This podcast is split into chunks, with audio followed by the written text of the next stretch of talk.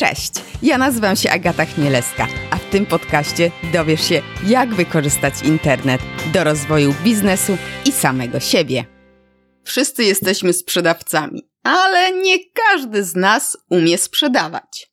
Możemy się jednak tej sprzedaży przecież uczyć. No, co warto robić, zwłaszcza jeśli od tego zależy nasza pensja. No ale jak uczyć się tej sprzedaży? Jest wiele sposobów. No to wiadomo. W tym odcinku posłuchasz o tym, jak uczyć się sprzedaży od własnych klientów, o badaniu procesu zakupowego i analizie win-loss. Moimi rozmówcami są Tomek Zagdan i Radek Pogoda. Założyciele pierwszej w Polsce firmy specjalizującej się w badaniach win-loss. Zapraszam do słuchania. Cześć chłopaki. Cześć. Cześć. Co dobrego u was słychać? Ja chyba zacznę od prywaty, bo dzisiaj moje urodziny, więc jestem pewnie na lekko forowanej pozycji. 100 lat Radek. No, bardzo dziękuję. A możesz zdradzić, Bardzo które? dziękuję. E, wiesz co, ojciec mi dzisiaj powiedział, że dwie czwórki dają ósemkę, więc jak już mam 80 lat, to już czas się szykować do grobu, ale to Dobrze wyglądasz na Jeszcze 80. Gratuluję. na 80 perfekt, także się śmieję, że nawet liftingów nie potrzeba, jest dobrze. A poza tym, poza prywatą, poza tym, co mamy dzisiaj, no przede wszystkim dobre wieści. E, rozmawiając z Tomkiem z dużą ilością klientów w ciągu ostatnich trzech, pięciu tygodni, e, no tak naprawdę widać, że zapomnieliśmy już po trochu o marcu, zapomnieliśmy po trochu o tym, że COVID, że blokada rynku i tak dalej. Oczywiście są marże, które potwornie dostały po plecach i to będzie widać jeszcze przez pewnie lata. Natomiast ogromna, ogromna ilość ludzi, z którymi rozmawiamy, wraca do, z energią, wraca z takim nastawieniem, ok, teraz jedziemy do przodu, trzeba nadrobić ten stracony kwartał. Mnie cieszy, mnie cieszy jeszcze to, że to, co dzisiaj robimy, czy taka rozmowa przez wideo jeszcze 6 miesięcy temu, czy 7 miesięcy temu, to było czymś takim niestandardowym i umawianie się kimś na kola wideo to było taki znak zapytania, a nie możesz przyjechać? A dzisiaj to już jest normalne, nikogo to nie dziwi i w zasadzie ludzie się już zaczęli zastanawiać, czy czasami to jest potrzeba gdzieś jechać, skoro przez wideo też się da, prawda? I nie, nie zawsze spotkanie face to face jest potrzebne, co nie znaczy, że straciło na wartości, ale ludzie jakby zauważyli, że można inaczej, więc to też chyba weszło w krew e, wielu ludzi wielu organizacjach i nawet mam takie doświadczenia, że ci, co nie, nie dowierzali, że tak się da, COVID w boju udowodnił, że, że, że tak się da i nawet działa dobrze. Także to też fajne. Tak, tak, tak. Ja coś o tym wiem. Już przynajmniej teraz nie muszę klientów przekonywać, że no nie musimy się spotykać na żywo, możemy porozmawiać przez internet. I to jest fajne, bo faktycznie ułatwia życie i oszczędza czas. Wiadomo, spotkania na żywo są potrzebne, żeby no tak się poznać, zobaczyć jak reagujemy na różne sytuacje, jacy jesteśmy, ale online no to jest po prostu coś pięknego, dlatego w tym siedzę. Taki new normal. Znaczy co, ja myślę, że to nie jest też tak do końca, że to jest same plusy, e, bo wiele rzeczy e, na żywo załatwia się dużo lepiej i to jest coś, co też czasami słyszymy. Natomiast cudowne jest jedno. E, Absolutnie zgadzam się i podpisuję po tym, co powiedzieliście. Super jest to, że możemy te pierwsze spotkania, kiedy dopiero zaczynamy się poznawać, kiedy zaczynamy odkrywać karty, czy jest tam jakieś, e, powiedzmy, jakiś mecz między klientem, dostawcą i tak dalej, że te pierwsze etapy, które kosztowały ogromną ilość pieniędzy, ogromną ilość czasu, energii, te etapy jesteśmy w stanie załatwić zdalnie i to jest po obu stronach pełen konsensus. To i klientowi Tak. odpowiada, i tobie odpowiada jako sprzedawcy. Natomiast wiesz sama, no jak dojdzie do sytuacji, w której trzeba usiąść, pogadać o warunkach, pogadać o zakresie jakiegoś projektu czy rozwiązania, które chcemy, to i tak wcześniej czy później pojawi się to sakramentalne, pan przyjedzie, pogadamy, tak? I daj Boże, żeby tak było. Cudownie, że ten pierwszy etap, etap, który bardzo dużo energii kosztował wcześniej, dzisiaj da się faktycznie zoptymalizować właśnie przez jakąś komunikację wideo, która jest dużo, dużo lepsza niż zwykły telefon. Tak, bo nie trzeba jechać i e, gdzie jeszcze nawet nie wiemy, czy będziemy ze sobą współpracować, prawda? I, I po prostu to jest strata czasu, pieniędzy, energii, wszystkiego, tak jak mówisz. A później, wczoraj właśnie byłam u klienta, z którym rozpoczęłam współpracę w marcu, nie widzieliśmy się. I stwierdziliśmy, że okej, no to już chyba pora się spotkać i pogadać, więc. e, Dokładnie. No ale wiesz, po dwóch fakturach to jest przyjemny wyjazd. Tak, Tak, już- tak, tak, tak, dokładnie, dokładnie. Dobra, powiedzcie mi, mm, bo tak jak rozmawialiśmy przed, e, przed dzisiejszą rozmową, o tym, jak się uczyć od klientów. Mm, Sprzedaży to chyba, no, jesteśmy sprzedawcami, tak? No, wszyscy są sprzedawcami. E, nawet na randce sprzedajemy siebie. Prawda to? To, tak, to dlaczego klient ma, jak klient ma od nas się tego, znaczy nie, jak ma nas uczyć, o, tak. Znaczy, to jest tak, to nie jest tak, że klient uczy nas, on nie jest, nie wiem, nie wchodzi na katedrę, nie zakłada fikuśnej czapki i nie macha nam przed, przed nosem wskaźnikiem. To jest bardziej to, że my się uczymy od klienta. E, co jest taką chorobą, nazwijmy to, wielu firm, wielu organizacji sprzedażowych, to jest działanie w, w, takiej formule po prostu osiołka albo konika dorożkarza, że tymi samymi ścieżkami w tą samą stronę przez 15 lat będziemy szli, bo założyciel coś takiego robił, bo mój poprzednik coś takiego robił, bo mój szef tak mi pokazał. E, tymczasem rzeczywistość tam się mocno zmienia i jak dzisiaj patrzysz na ilość sygnałów informacyjnych, sygnałów reklamowych, informacji o produktach, które docierają do nas, ludzi, którzy mają te 30 plus, nazwijmy to, no ty oczywiście 18 plus, ale to już my faceci możemy mówić, my możemy być trochę dwa. bardziej szczerzy. Razy e, ale, dwa. E, tak czy inaczej. Natomiast wracając do rzeczywistości, my dzisiaj, ludzie na, na poziomie 30-40 lat, jesteśmy już mocno przywiązani do naszych smartfonów, cały czas mamy gdzieś przed nosem ekrany, na każdym tyle autobusu, boku tramwaju, witrynie budynku jest jakiś komunikat, jakiś przekaz, jakaś informacja. I prawda jest taka, że te, te informacje dotyczą, dotyka, jakby docierające do naszych klientów są dziś tak ogromnym naciskiem, dają tak ogromną masę powodów do zmian, że firmy zmieniają sposób, w jaki podejmują decyzje o produktach, zmieniają decyzje, e, zmieniają sposób, w jaki podejmują decyzje o zakupie, o wyborze danego rozwiązania. I teraz system, który fantastycznie działał 8, 10, 15 lat temu, że targi, po targach jakieś spotkanie, po spotkaniu jakaś prezentacja, po tej prezentacji próbka testowa i ruszamy, dziś może już nie zadziałać. I cała zabawa polega na tym, żebyśmy po transakcji, która się zakończyła, nieważne czy wygranej transakcji, czy przegranej transakcji, żebyśmy nie stwierdzali sobie po prostu, no dobra, przegraliśmy, bo pewnie cena za wysoka, bo pewnie to, bo pewnie tamto, tylko żebyśmy zadali pytanie ludziom, z którymi pracowaliśmy przez ostatnie dni, tygodnie czy miesiące, OK, słuchajcie, co poszło nie tak, co nam się nie udało, gdzie kompletnie rozminęliśmy się z waszymi oczekiwaniami, co powinniśmy następnym razem, przy następnej transakcji z tobą, przy następnej transakcji z twoją firmą, co powinniśmy zrobić inaczej, czego więcej, czego mniej, e, jakie inne osoby powinniśmy na przykład zaadresować przy naszej prezentacji, przy sposobie, w jaki przychodzimy do was z ofertą. I to są rzeczy, których Niestety nadal, mimo tego, że świat się kompletnie zmienił wokół nas, bardzo mało firm, bardzo mało osób robi, bardzo mało osób się na nich skupia.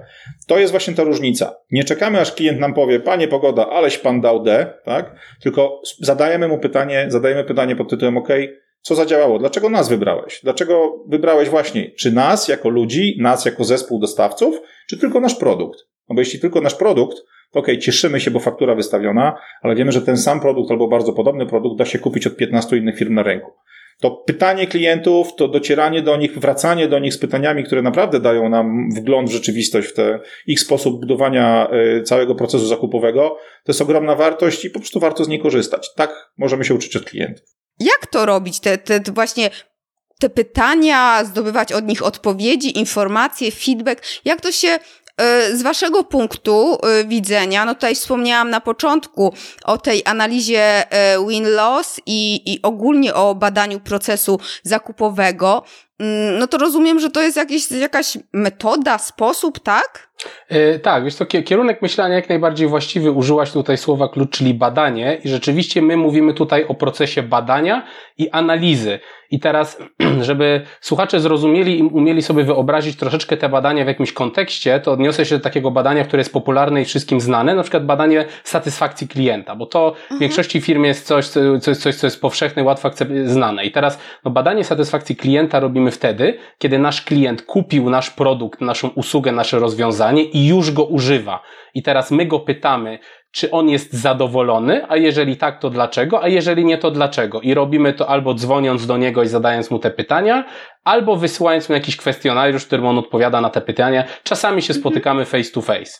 Y, I teraz badania, o których, którymi my się teraz zajmujemy, to są badania procesu zakupowego i one mają, do, do, do ich zrealizacji używamy podobnych narzędzi, czyli nadal rozmawiamy z ludźmi, albo wysyłamy ankiety online, bo to są dwie metody, tylko zadajemy inne pytania i chcemy się czegoś innego dowiedzieć. Te badania procesu zakupowego są jakby umiejscowane w innym miejscu, bo nam nie zależy na tym, żeby się dowiedzieć, czy klient jest zadowolony z produktu, tylko my chcemy zrozumieć, jak on kupował ten produkt. Czyli my staramy się wejść w jego buty i zrozumieć, jak krok po kroku dochodził do tej decyzji zakupowej, że kupił nasz produkt, nasze rozwiązanie lub nie kupił naszego produktu, rozwiązania. Czyli próbujemy zrozumieć tą jego drogę, którą on przeszedł.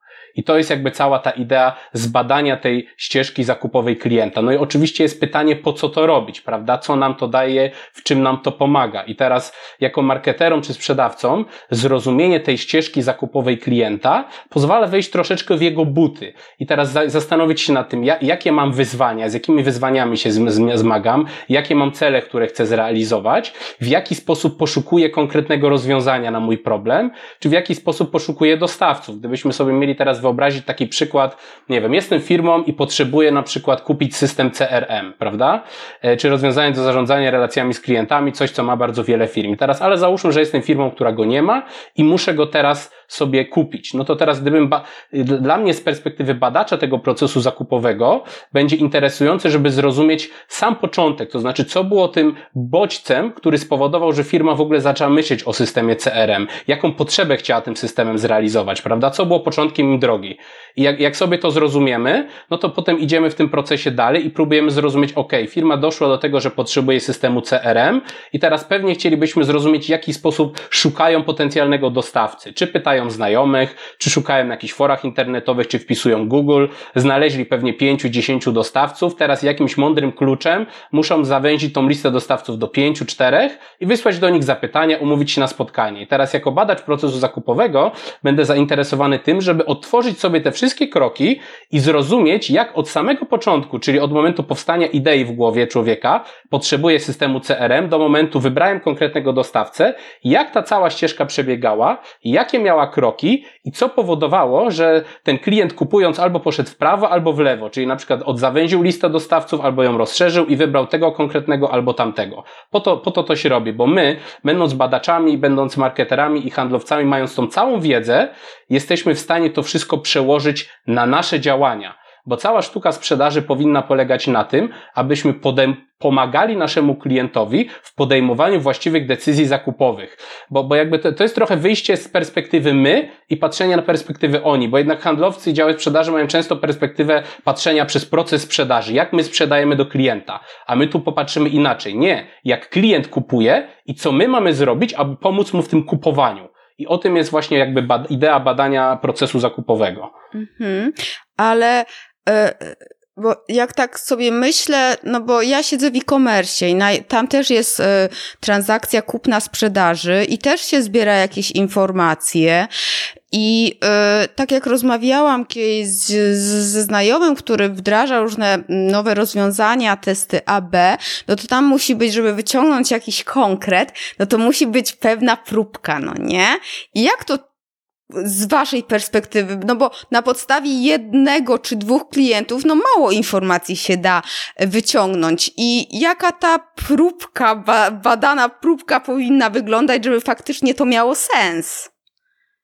E, to, to jest bardzo zasadne pytanie, bo tak jak słusznie zauważyłaś, z, jednego, z jednej próbki nie wyciągniemy wystarczających wniosków, bo może, może to być przypadek. I teraz rzeczywiście potrzebna jest określona próbka. Ja odpowiem na to pytanie na dwa sposoby. Po pierwsze, jeżeli sobie robimy takie badanie procesu zakupowego, czy też analizę win-loss, do której za chwilę dojdziemy, to zazwyczaj najpierw dzielimy sobie tych klientów na grupy. To znaczy wiemy, że jest kilka grup klientów, oni nie są do, niekoniecznie są do siebie podobni, żeby znowu na, no, oprzeć się na przykład CRM. Jakbyśmy mieli teraz badać, jak wygląda proces zakupowy CRM-a, to on zapewne będzie wyglądał inaczej w średniej firmie, która ma 50 pracowników i z 20 z nich będzie używać CRM-a, versus dużej korporacji, która kupuje system CRM dla 8 krajów, dla 7 tysięcy pracowników, prawda? Ten proces będzie kompletnie inaczej wyglądał. I teraz, chcąc go zbadać, powinniśmy go badać osobne w tej grupie i osobne w tej grupie żeby to było miarodajne, czyli mieć pewność, że bierzemy i porównujemy jabłka do jabłek. I teraz, y, żeby to zrobić miarodajnie dla jednej grupy, tak zbadać proces zakupowy i stworzyć sobie taką mapę procesu zakupowego, no to powinniśmy porozmawiać tak z 10 do 15 firmami w jednej takiej spójnej grupie. I teraz powinniśmy z nimi porozmawiać z takimi firmami, które w miarę niedawno dokonały takiego zakupu i będą pamiętać, jak ten proces wyglądał. Czyli jakby nie wybieramy tutaj przypadkowych firm, które kupiły 7 lat temu system, bo tutaj nikt nie będzie tego pamiętał.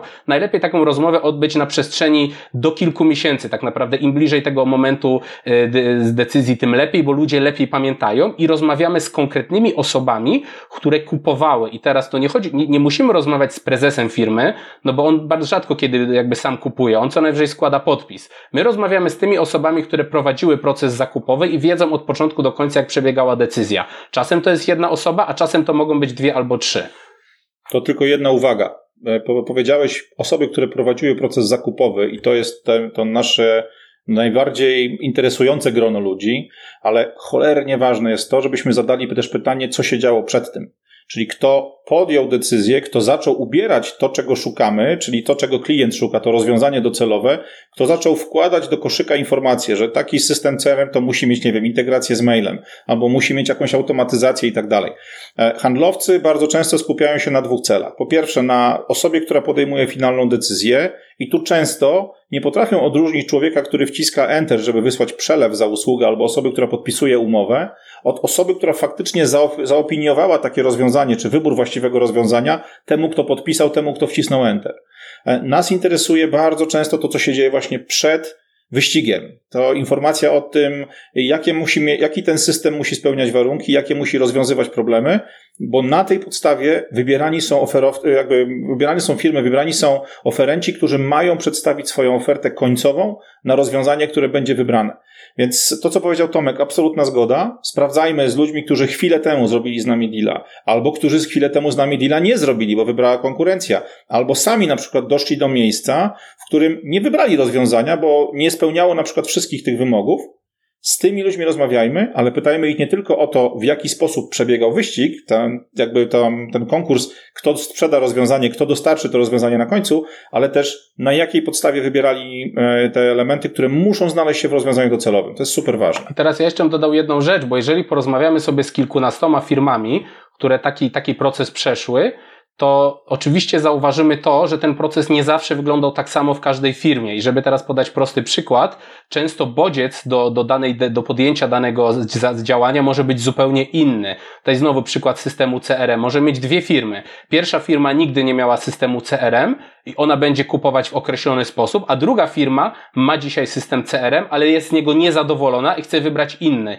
I teraz te dwie firmy mogą iść zupełnie inną drogą w tym procesie zakupowym i jakby inaczej myśleć, bo i mieć inną wiedzę i czego innego szukać. I teraz ważne, żebyśmy my... I będą zadawali ten... inne pytania też. No? Tak, inne pytania sobie mogą zadawać i ważne, żebyśmy my próbując ten proces badania zakupowy, znaczy ten proces zakupowy mapując, ważne, żebyśmy byli w stanie uchwycić wszystkie te punkty, takie po angielsku to się mówi triggery zakupowe, czyli wszystkie te czynniki, które motywują firmę do podjęcia, do rozpoczęcia procesu zakupowego, bo w zależności od tych czynników różne mogą być e, dalsze ścieżki tego, e, tego procesu. Ale z doświadczenia, tak trochę reasumując, te takie 10 rozmów w takiej jednej grupie daje nam już całkiem nieźle, niezły obraz, żeby sobie taką mapę procesu zakupowego stworzyć i ta mapa nam pokaże, jak, jakie są kluczowe kroki tego procesu, jakie są kluczowe momenty. I te momenty są bardzo ważne dla marketerów i sprzedawców, bo pokazują, w którym momencie my możemy wygrać, albo w którym momencie możemy stracić e, tego klienta na rzecz konkurencji, bo to jest taki ważny moment decyzyjny, że jeżeli tutaj zawalimy, to nie pójdziemy dalej.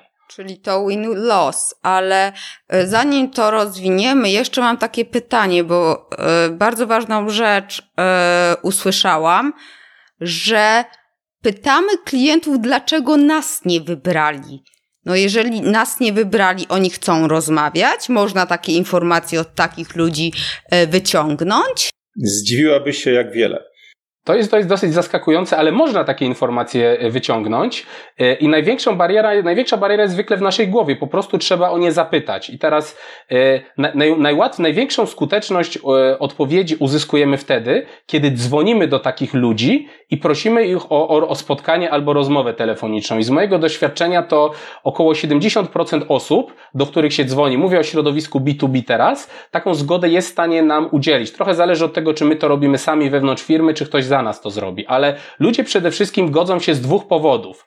Pierwszy jest taki, że Często, jeżeli mówimy o procesach B2B, to, to bywa i szczególnie takich procesach, gdzie o dużej wartości sprzedaży, no to taki zakupowiec spędza z handlowcem sporo czasu. Oni rozmawiają czasami kilkanaście razy, niekiedy poświęcają na to wiele godzin. I teraz po tej stronie kupującej bywa czasami taka potrzeba odwdzięczenia się drugiej stronie. Czyli powiedzenia, ok, nie wybraliśmy was, ale ponieważ poświęciliście nam tyle czasu, to my możemy wam się odwdzięczyć za to. A druga, druga taka sytuacja, która e, sprawia, że ludzie chcą rozmawiać, to jest bardzo często tak, że te osoby po drugiej stronie, ci zakupowcy, mam wrażenie, że lubią mówić o swoich sukcesach i teraz dla nich taki wybór dostawcy jest często sukcesem. Ja do dziś nie zapomnę takiej sytuacji. Kiedyś zadzwoniłem do pewnego informatyka, ażeby porozmawiać właśnie na temat procesu zakupowego na, na, jedno z rozwiązań IT. I teraz ten człowiek miał takie poczucie kompletnego niedocenienia w firmie i nikt nie zauważył tego, że on zrobił bardzo ważną rzecz, jakby wybrał ważne rozwiązanie, zaoszczędził dla firmy kupę pieniędzy. I ja mam wrażenie, że ja byłem jedyną osobą, która chciała z nim na ten temat porozmawiać. I on był bardzo otwarty, bo zobaczył, że wreszcie ktoś go słucha i wreszcie ktoś mu chce o tym powiedzieć. I sami w trakcie rozmowy zaznaczył, że nikt nie podziękował mu za to, co on robi. Więc tak, tak, ludzie czasami chcą się po prostu wygadać, więc e, tutaj chyba największą barierą jest to, żeby po prostu w odpowiedni sposób poprosić o taką rozmowę. Ja jeszcze dodam tylko jedną rzecz. Bardzo często przy sprzedaży B2B wydaje nam się, nam handlowcom B2B, że sprzedajemy do firmy X, do firmy Y. A to jest totalne, totalnie nieporozumienie. My sprzedajemy do pani Agaty, do pana Krzysztofa, do pana Tomasza. Ludzie, którzy zainwestowali czas w pracę z tobą, w rozmowy, w przeglądanie twoich wypocin w formie Excelowej, w wysłuchiwanie twoich średnio składnych PowerPointowych prezentacji, w tego, co im nawijałeś na uszy przez telefon i tak dalej. Jeżeli doszli do końca pewnej ścieżki zakupowej z tobą, doszli do końca tego swojego procesu, to relacja między wami już się zbudowała. Jeżeli nie dowiozłeś, czyli nie, nie zbudowałeś tej relacji tak, żeby być traktowany jako ekspert, osoba równoważna dla nich, jeśli chodzi o powiedzmy e, szacunek dla opinii, szanowanie jakichś tam podpowiedzi i tak dalej, to nadal jesteś nie, jakby nieanonimowy. Jesteś osobą, która e, z ich życia jakąś część czasu, jakąś część energii, jakąś część uwagi dostała. To jest rozmowa nie między pokonanym i zwycięzcą, to jest rozmowa między ludźmi, którym się nie udało pójść na randkę. Tak? My nie jesteśmy, nie wiem, stalkerami, my nie jesteśmy ludźmi, którzy, chyba że tacy jak się zachowują handlowcy, o których mówimy, jak, jak kogoś bombardujesz 17 SMS-ami w dniu podpisania albo w dniu wyboru oferty, sorry stary, sam jesteś sobie winien, tak? Ale jeśli to była normalna, racjonalnie, sensownie prowadzona sprzedaż na poziomie, od człowieka do człowieka i nie było to pchanie sznurka, jak ja to nazywam, czyli kup pan cegłę, tylko reagowanie, rozwiązywanie realnego problemu klienta dzięki rozwiązaniu, które masz w ofercie, to, to są ludzie z ludźmi. Ta rozmowa jest naprawdę super szczera. Ja powiem z doświadczenia, bardzo często usłyszę więcej od klientów, u których nie wygrałem, niż od klientów, z którymi zrobiliśmy deala. Bo ci wiedzą, że cokolwiek nam powiedzą po wybraniu naszej oferty, może sprawić, że następne kontakty będą w jakiś sposób przez tą odpowiedź, przez tą informację e, skrzywione. A ci, u których się nie udało, mamy czysty talerz. No, panie Radku, ja panu powiem wprost, byliście dużo za drodzy, chociaż podobało nam się A, B, C, Natomiast no nie za tą cenę. Musicie albo trochę zrefować żagle, albo po prostu może my jesteśmy firmą za małą do waszego rozwiązania i tak dalej. Super wartościowa wiedza, którą naprawdę nie jest trudno wydobyć. To jest tylko i wyłącznie kwestia tego, w jaki sposób tą pracę mamy. Ale też jeszcze jedno zdanie tylko w tym temacie, bo myślę, że ono jest dość ważne. Tomek tutaj skupił bardzo dużo uwagi na ważnej rzeczy. E, żeby takie badanie mogło nastąpić, żeby ono dało fajny efekt, żebyśmy dostali wartościową informację zwrotną, to musi być rozmowa między ludźmi, którzy byli w ten proces za, zaangażowani. Czyli to handlowiec, który negocjował, to handlowiec, który prowadził te rozmowy, który przygotowywał ofertę, powinien, nawet jeśli nie on będzie zadawał wszystkie pytania takim, w takim badaniu, bo może to zrobić ktoś z marketingu, to on to musi uruchomić. Żeby ta więź między ludźmi, którzy uczestniczyli w procesie zakupowym, czy w procesie sprzedażowym, żeby ta więź była na starcie. Zlecenie tego na zewnątrz do call center, czy nie wiem, zbudowanie jakiegoś stricte automatycznego narzędzia, tej więzi nie da i tutaj pewnie skuteczność takiego badania będzie dużo, dużo niższa, no ale to, to myślę, że dla każdego jest chyba bardzo, bardzo otwarty i bardzo jasny. Teraz już mam dwa pytania. Nabroiłeś, ale mam dwa pytania. Pierwsze pytanie to jest to, że faktycznie ja się zgadzam z tym, że nawet, że sprzedajemy człowiek do człowieka, tak? Jak nawet ja robię, tak brzydko to jest nazywane, lejki zakupowe, to ja nie myślę o lejku zakupowym i jakimś punkcie na tym, na tej ścieżce, tylko o człowieku, nie? No bo zawsze jest ten człowiek e, i jego poziom wiedzy, świadomości i, i ogólnie zainteresowania, ale w B2B to bardzo często jest, no, tak, taka sieć ludzi, nie? Że idzie najpierw pierwszy, drugi, później jest więcej decydentów, więc y, jak tutaj y, zbadać, czy to wszyscy muszą y, wtedy być przebadani y, z danej firmy, którzy brali, załóżmy sześć osób brało, no dobra, nie przesadzam, trzy osoby brały w, mm, w udział w podejmowaniu decyzji, to te trzy osoby powinny brać udział w badaniu. I drugie pytanie, właśnie, czy mm, my musimy to, to co powiedziałeś, że to handlowiec powinien brać udział w takim badaniu, tak? E, czyli to powinniśmy robić in-house, tak? Czy, czy też możemy zlecać? To, to ja może odpowiem na to, e, bo tu zadałeś takie dwa pytania. Pierwsze, czy powinniśmy rozmawiać ze wszystkimi? I teraz oczywiście idealnie by było mieć informacje od wszystkich ludzi. Tylko to zajmie dużo czasu, więc trzeba przeważyć korzyści versus sens rozmowy. I teraz ja bym powiedział tak, jeżeli mamy stosunkowo nieskomplikowany proces zakupowy i mamy firmę, której wiemy, że na przykład trzy osoby uczestniczyły w tym procesie, to bardzo często wystarczy porozmawiać z taką jedną główną, żeby mieć w miarę kompletny obrazek. Oczywiście jak porozmawiamy z dwiema pozostałymi, to być może się czegoś więcej dowiemy, ale jakby ważąc czas versus korzyści, rozmowa z jedną może wystarczyć. Natomiast jeżeli rozmawiamy z dużymi firmami, gdzie czasami jest wiele działów, wiele poziomów decyzyjnych, no to tam może być sens porozmawiać z dwiema, a nawet trzema osobami, typu na przykład członkiem zarządu, czy osobą, która prowadziła projekt, bo rzeczywiście będzie w stanie dać e, perspektywę. Można to dosyć łatwo jakby wybadać w trakcie takiego procesu, bo ja, ja zauważyłem, że na przykład jak rozmawiam rozmawiam w, duży, w dużych firmach, gdzie są skomplikowane procesy zakupowe i pytam mojego rozmówcy, jeżeli padają, padają takie odpowiedzi na pytania, a wie pan, nie wiem, bo w to był zaangażowany prezes, albo wie pan, tutaj inny dział uczestniczył w tym procesie, no to jest dla mnie bardzo jasny sygnał, ok, ten człowiek nie wie wszystkiego, warto jest też z kimś porozmawiać. Więc zadając odpowiednie pytanie, często w trakcie rozmowy wychwycimy, czy jakby mamy kompletny obrazek, czy też czegoś nam y, nie brakuje. Więc to jest jakby odpowiedź, czy warto rozmawiać ze wszystkimi. A drugie, w jaki sposób to robić, no to powiem tak, jeżeli chodzi o te badanie procesu zakupowego, to, to, to co Radek mówił, jakby taka pomoc handlowca, który uczestniczył w tym procesie jest ważna, ale w procesie umówienia rozmowy, bo on tego człowieka znał, on nam pomoże tą rozmowę umówić, bo tam ta relacja jest. Natomiast to, co ja, ja bym rekomendował, to żeby rozmowę przeprowadzała osoba, która jest neutralna i nie jest, nie była emocjonalnie zaangażowana w ten proces. No bo teraz zwróćmy uwagę, że jeżeli czasami w tym procesie zakupowym, czy, czy w, tak, tak, w takim badaniu procesu, czy win-loss, pojawi się rozmowa na temat tego, jak się pracowało z naszym działem handlowym. I może się zdarzyć, że pojawią się e, opinie, które nie będą e, pochlebne, albo takie, które przy handlowcu e, taki człowiek by nie powiedział. I teraz nam zależy na tym, żeby ten człowiek, rozmówca, miał 100% swobody wypowiedzi i mógł powiedzieć wszystko, co mu leży na sercu. Dlatego ważne jest, żeby po drugiej stronie naszej firmy była osoba, która nie jest to emocjonalnie zaangażowana i ona będzie słuchać, bo teraz jedną ważną rzecz, którą też trzeba powiedzieć, i to troszeczkę wraca do tego, dlaczego taka firma miałaby z nami porozmawiać. My od razu dzwoniąc do tej firmy, bardzo jasno komunikujemy, że my nie chcemy zmieniać ich decyzji zakupowej. My wiemy, że podjęli taką decyzję, my ją szanujemy. My chcemy tylko zrozumieć dlaczego. I teraz, jeżeli my rozmawiamy potem z takim człowiekiem i taki człowiek nam mówi w trakcie rozmowy, zawaliliście to, to, to, to i to, to naszym zadaniem nie jest teraz próba wytłumaczenia, a nie, nie wie pan, nie mam racji, nie, nie, pan nie ma racji, nie zgadzam się z tym. Nie. Naszym zadaniem w tym momencie jest wyłącznie słuchać i zadawać pytania, które pozwolą nam to zrozumieć. Tylko i wyłącznie to. To nie jest już moment na kwestionowanie, no bo on tą decyzję podjął. My tylko chcemy zrozumieć dlaczego, więc to jest bardzo ważne. I teraz y, są teraz dwie drogi. No, możemy takie badanie zlecić na zewnątrz, albo zrobić je samodzielnie w firmie. I teraz my rekomendujemy i my w taki sposób uczymy naszych klientów, żeby robili takie badania samodzielnie. Dlaczego? Ponieważ robienie takich badań samodzielnie to jest, to jest taki proces ciągły. My jakby, my nie zachęcamy do tego, żeby raz badanie z procesu zakupowego zrobić, raz badanie win-loss do końca życia i nigdy więcej, tylko to jest takie badanie, które cały czas musisz robić, więc lepiej to, najlepiej jest tą wiedzę nabyć, nauczyć się jak to robić samemu i potem przeprowadzać na bieżąco u siebie takie badania. I teraz robienie tego samemu w domu, znaczy sam może nie w domu, ale we własnej firmie ma tą podstawową zaletę, że nikt od nas lepiej nie zna z naszej branży, naszej specyfiki, naszych klientów i nie czuje tego.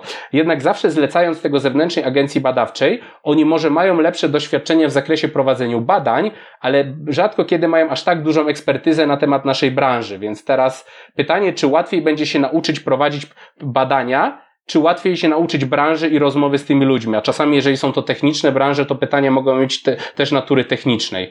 Więc dlatego. No tam będzie przepaść, nie? Tam będzie po prostu przepaść. Więc ja bym powiedział tak. Róbmy to, możemy to spokojnie robić wewnątrz firmy, nie musimy tego zlecać na zewnątrz. Czasami oczywiście można, ale angażujmy w to osoby, które są neutralne, więc nie były zaangażowane bezpośrednio w ten proces zakupowy. Czyli handlowiec rozpoczyna, bazując na tej relacji, która nastąpiła, natomiast samo badanie, samo pytanie przechodzi w ręce kogoś w marketingu, kogoś, kto rozumie biznes, e, ale właśnie nie uczestniczył w tym procesie. Tu też ja bym dodał ostatnią rzecz bardzo ważną. Badanie nie służy do tego, żebyśmy znaleźli bata na handlowca, bata na ludzi, którzy robili ofertę, żeby to nie jest szukanie winnych. To jest próba znalezienia prawdy, tego, co jest realnym powodem, dla którego tym razem się nie udało, ale też jest realnym powodem znalezienia tego, dlaczego nas wybrano. Bo możemy się dowiedzieć rzeczy takich, na przykład, że mamy śmiesznie niskie ceny. Mamy takich klientów, którzy dopiero w czasie badania się dowiedzieli, kurde, choćbyście to dowozili w połamanych skorupach, to i tak cena jest o 80% niższa od reszty rynku, bo wy to mieliście na magazynie sprzed covid a reszta musi ściągać przy nowej wartości euro, dolara i tak dalej. Badanie nie służy tylko temu, żebyśmy znaleźli winnych. Badanie służy temu, żebyśmy się dowiedzieli, o co tak naprawdę graliśmy. Jaki powód, jaki element, jaki moment w tym całym procesie, jaka osoba po tamtej stronie, po stronie klienta powiedziała ci goście, tak? Ta oferta, ta cena, ten produkt, to rozwiązanie, ta usługa. Ale to też mówicie, że to nie, nie, powinien być handlowiec, który jest emocjonalnie związany, ale to chyba też nie powinna być osoba, która jest emocjonalnie związana z firmą, bo to yy, no wiecie, to będzie taka automatyczna reakcja obronna, nie? Nie, nie, nie, to wcale tak nie jest, bo pan źle zauważył, coś tam, coś tam. Znaczy, przynajmniej mi się by od razu takie coś włączało, że, e, że wiecie, jest taki e, zaraz już się chce, nie, nie, nie, nie, nie, pan tutaj nie ma racji. To też może być takie, mm, musi być dobra osoba w słuchaniu, nie? I, i, i przyjmowaniu, a nie za tłumaczeniu, negowaniu, nawet jeżeli nie jest handlowcem, tylko po prostu jakoś nawet bronienie kolegi, tak? Właśnie tego handlowca. No wiesz co, jakoś doświadczenie nas nauczyło, że to nie do końca tak działa. To znaczy, jeśli to nie twój tyłek jest na grillu, to jest ci łatwiej. I absolutnie zgadzam się z Tobą, że jeżeli, nie wiem, klient powie, macie do dupy ulotki, przepraszam, to dziewczyna z marketingu czy facet z marketingu najeży się po prostu, jak to? Przecież one są fantastyczne. Robiliśmy je 8 miesięcy za 50 koła, tak? Natomiast y, ich skóra nie jest w grze. Jeżeli ich zadaniem jest e, zrobienie badania dotyczącego jednej transakcji z jednym klientem, to bardzo często oni do tego podchodzą jako fantastyczne osoby, które obsługują pewien proces. I, I te emocje się tutaj bardzo rzadko włączają. Druga rzecz bardzo, bardzo istotna. E, nigdy takich osób nie puszczamy, że tak powiem, z gołą klatą, pokaż co potrafisz i z, nie wiem, PDF-em w dłoniach, tylko takie badania, które chcemy, których chcemy nauczyć daną firmę, najpierw prowadzimy my. Takie pierwsze wywiady, dwa, trzy, cztery, robi ktoś z naszej strony. Osoba, która ma je później prowadzić, słucha, patrzy i tak dalej. Kolejne trzy, cztery prowadzi on, ona, My siedzimy z boku i dajemy feedback, albo w trakcie, jeśli trzeba interweniować, bo właśnie włosy się podniosły, ulotki są fantastyczne, albo po, tak? Słuchaj, tu mogłaś pogłębić, tam można było odpuścić, bo męczyliśmy klienta 4 minuty o coś, o czym po prostu nie miał pojęcia. Efekt jest taki, że po 6, 7 badaniach, które robi się wspólnie, te ostatnie dwa czy trzy najczęściej siedzisz z boku, super było, tak? Ja cię kręcę, rewelacja. To, to jest też proces, to jest, to jest taka sama nauka jak wszystkiego innego w życiu. E, natomiast, żeby jakby całkowicie temat wyjaśnić, handlowiec ma otworzyć drzwi, sprawić, żeby ta osoba po drugiej stronie, ten człowiek od klienta, e, chciał rozmawiać i też, żeby jasno wyjaśnić, słuchaj, to nie chodzi o to, żebyśmy mi ci teraz dali taką ofertę, jaka ci się wymarzyła, tylko właśnie chcemy się dowiedzieć, co powinniśmy poprawić, co zrobiliśmy dobrze, gdzie lepsza jest od nas konkurencja, co lepiej moglibyśmy robić dla ciebie albo dla innych firm na tym rynku, w tym produkcie, w takiej niszy, za 3, za 4, za 5 tygodni, tak żeby nasz poziom się poprawił, no bo wtedy też damy ci rozwiązanie lepsze, jeśli będziesz go potrzebował. To jest rola handlowca. Przeprowadzenie całego tego procesu, zebranie informacji, a później, znowu ważna rzecz, wprowadzenie ich w życie, zmienienie oferty, zmienienie ceny, zmienienie czegoś tam, to jest robota całego zespołu marketingowo-sprzedażowego, no bo na końcu to oni, że tak powiem, we dwójkę albo te dwa zespoły wspólnie odpowiadają za powodzenie czy za brak powodzenia następnych sprzedaży, następnych transakcji, następnych kampanii. Ja bym tak jeszcze dodał do tego, co powiedziałeś, i to, to warto podkreślić, właśnie, że takim celem tego rozmówcy, który przeprowadza wywiad czy rozmowę, nie jest kwestionowanie tego, co mówi klient, bo nie ma znaczenia, co my powiedzieliśmy temu klientowi w trakcie procesu sprzedaży. Ważne jest to, co klient zrozumiał, prawda? Nie liczy się intencja osoby mówiącej, tylko odbiór. Więc naszą rolą, nawet jeżeli on nas opluwa i miesza z błotem, no to jest zrozumienie tego, dlaczego I co spowodowało, że on tak właśnie myśli? Bo gdzieś w coś musiało nie zagrać, prawda? I teraz to, że my będziemy próbowali się bronić i, i mówić, ale wie pan, pan nie ma racji i tak dalej, to nie ma znaczenia, bo on już swoją decyzję podjął i on swoje zrobił. To nic nie zmieni. Teraz musimy ci, ci, cicho siedzieć, znaczy nie cicho siedzieć, musimy słuchać i zadawać pytania pogłębiające, żeby dotrzeć do sedna i żeby nam się zapaliła żarówka A to teraz wiem, dlaczego do takiej sytuacji doszło. Tu popełniliśmy błąd, prawda? I podziękować za to, bo, bo nauczyliśmy się czegoś nowego. Ja, my jesteśmy zwolennikiem takiej fajnej maksymy, którą powiedział kiedyś e, Nelson Mandela. To, to, to była jego filozofia życiowa, ale to bardzo dobrze oddaje to, co my, my robimy w badaniach. On, on powiedział coś takiego, ja nigdy nie przegrywam, ja albo wygrywam, albo się uczę. Więc trzeba podejść do tego z takim nastawieniem, że każda przegrana to jest miejsce, w którym się można czegoś nauczyć i, i, wtedy z tej przegranej też wyjść z małym zwycięstwem. To też wychodzi fantastycznie przy ludziach, z którymi pracujemy, które te, którzy te wywiady mają prowadzić. Mówimy wprost, słuchaj, mleko się rozlało. Transakcja nie udała się albo wygraliśmy ją, więc nie gramy tu o tak zwane złote kalesony, jak to się mówiło w podwórkowych meczach w nogę. Po prostu dowiedzmy się jak najwięcej. Spróbujmy zebrać informacje, które później przerzucimy na poziom zero i wykorzystamy do tego, żeby poprawić ofertę, stronę internetową, landinga, jakiś kawałek webinaru, jakiś kawałek informacji, jakiś kawałek prezentacji. Może trzeba przeprojektować stoisko targowe. Może hostessy muszą być brzydsze albo ładniejsze. Może modeli nie może być 7 na stoisku, tylko 77. Jakby ilość informacji, które można wyciągnąć z takiej prawdziwej, szczerej rozmowy z osobą po tamtej stronie, której już na niczym nie zależy, bo decyzja zapadła, jest naprawdę fantastyczna. I to jest główny cel. Jak, jak ustalimy z ludźmi, którzy będą te badania prowadzić, właśnie to, o co gramy, co jest tym celem, e, to naprawdę dużo ułatwia i uwierz mi, Agata, zdziwiłabyś się, jak wiele informacji trudnych przełykają ci nasi marketingowcy, ludzie z działu obsługi klienta, osoby z customer successu, jak po nich również płynie, za przeproszeniem, jakaś tam litania, oni to po prostu biorą na klatę, mówią bardzo dziękuję, siądziemy nad tym z dziewczynami w boku, i spróbujemy coś zrobić, żeby nasz telefon dało się odebrać szybciej. Siądziemy do oferty, żeby nie była napisana w języku, nie wiem, świrów, nazwijmy to świrów od produktu, tylko żeby mógł ją zrozumieć i przeczytać dyrektor finansowy albo osoba, która nie jest bezpośrednio zaangażowana w pracę z naszym rozwiązaniem, ale też będzie musiała podejmować decyzje na ten temat. Jeżeli ustalimy zasady, jeżeli ustalimy o co gramy, tych emocji jest dużo mniej i to jest ten spokój, ok, tu już i tak wszystko się wydarzyło. My po prostu próbujemy wyciągnąć z tego sukcesu albo z tej porażki jakiś kawałek informacji i znowu zaprząc go do roboty, wykorzystać na przyszłość. Czyli wy pomagacie, wasza dwójka, wy nie przeprowadzacie tego w firmach, bo tak właśnie y, też, żebym żeby to tak pokazać, że tego można od kogoś się nauczyć, tak? Wy to, to szkolicie, tak? Że nie, że wy właśnie, bo o to też pytałam, czy to na zewnątrz zlecić, czy samemu zrobić. Wy po prostu pomagacie w ten sposób, że wchodzicie do firmy i tak na początku za rączkę, za rączkę, żeby później ta firma mogła sama cały czas badać ten proces, tak? Ja to, ja to nazywam w trochę inny sposób, bo to nawet nie jest za rączkę. Na początku to my idziemy z maczetą i torujemy dżunglę, Potem dajemy maczetę, ale idziemy obok i patrzymy, czy gdzieś dookoła nie czai się wąż, a potem puszczamy ich na 3 km do przodu samych, bo przecież sobie poradzą, tak? To jest trochę inne podejście, ale może to podejście wynika z tego, że, no, przepraszam, że to powiem prosto, my nie robimy szkoleń. Wszystko, co robimy z firmą klienta, który przychodzi, to są warsztaty. My ludzi, którzy będą tą robotę wykonywać, uczymy przy maszynie, uczymy przy robocie.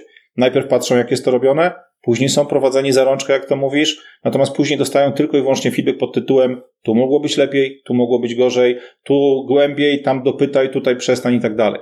To jest, to jest myślę, że taka różnica, która najwięcej rzeczy daje, bo niestety e, no, szkolenie w tematach, które są oparte o dialog z tym klientem, e, najczęściej po prostu ok, jest przydatne, bo można wiele informacji przekazać, ale dopiero w trakcie rozmowy wychodzą pewne zachowania i ludzie, widząc jak my zachowaliśmy się po takim pytaniu, po takiej odpowiedzi, po takiej reakcji ze strony klienta, czasami wkurzonego, czasami zadowolonego, czasami wyluzowanego, a czasami niestety zdechłej ryby, osobie, której po prostu, okej, okay, no po co o tym gadamy, marnujecie moje 12 minut, oni też są w stanie dopasować swoje zachowania.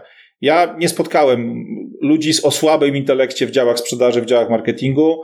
To są najczęściej bardzo sprytni, bardzo sprawni, bardzo szybko myślący ludzie, którzy naprawdę błyskawicznie potrafią się dopasować do sytuacji.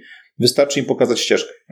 Tak, to, to, to jest to, to, co powiedziałeś, to, to w zasadzie oddaje esencję e, tego, co my robimy. Myślę, że to, co ta, taką misję, którą sobie postawiliśmy, my nie jesteśmy, nie chcemy być agencją badawczą, bo taka typowa agencja badawcza żyje z realizacji badań dla klientów. Ja teraz nie chcę dokonywać gradacji, że oni robią złą rzecz, bo oni robią fantastyczną pracę i badania jak najbardziej są przydatne, tylko my wychodzimy z innego założenia. My nie robimy tych badań za klientów, tylko my uczymy klientów, jak mogą te badania robić samodzielnie, bo są pewne rodzaje badań, które rzeczywiście firmom może być trudno samemu zrobić, ale te badania to są takie, które każda firma może się samodzielnie nauczyć, tylko musi wiedzieć jak i z jakich narzędzi skorzystać. I my właśnie tego uczymy. To najpierw przekazujemy wiedzę, a potem prowadzimy również zarączkę w tym procesie, żeby się tego sami nauczyli Dokładnie. i pokazujemy, jak dalej tą wiedzę, którą pozyskali, wykorzystać do konkretnych e, zmian w firmie. Jest jeszcze jedna rzecz, o której Tomek tutaj nie zdążył wspomnieć, bo mu przerwałem, e, ale bardzo często jest tak, że e, jeżeli zaczynasz z jakąś firmą na produkcie pierwszym, nazwijmy to, czy drugim, robimy dwie, dwie ścieżki, czyli dwa zestawy pytań, które należy zadać,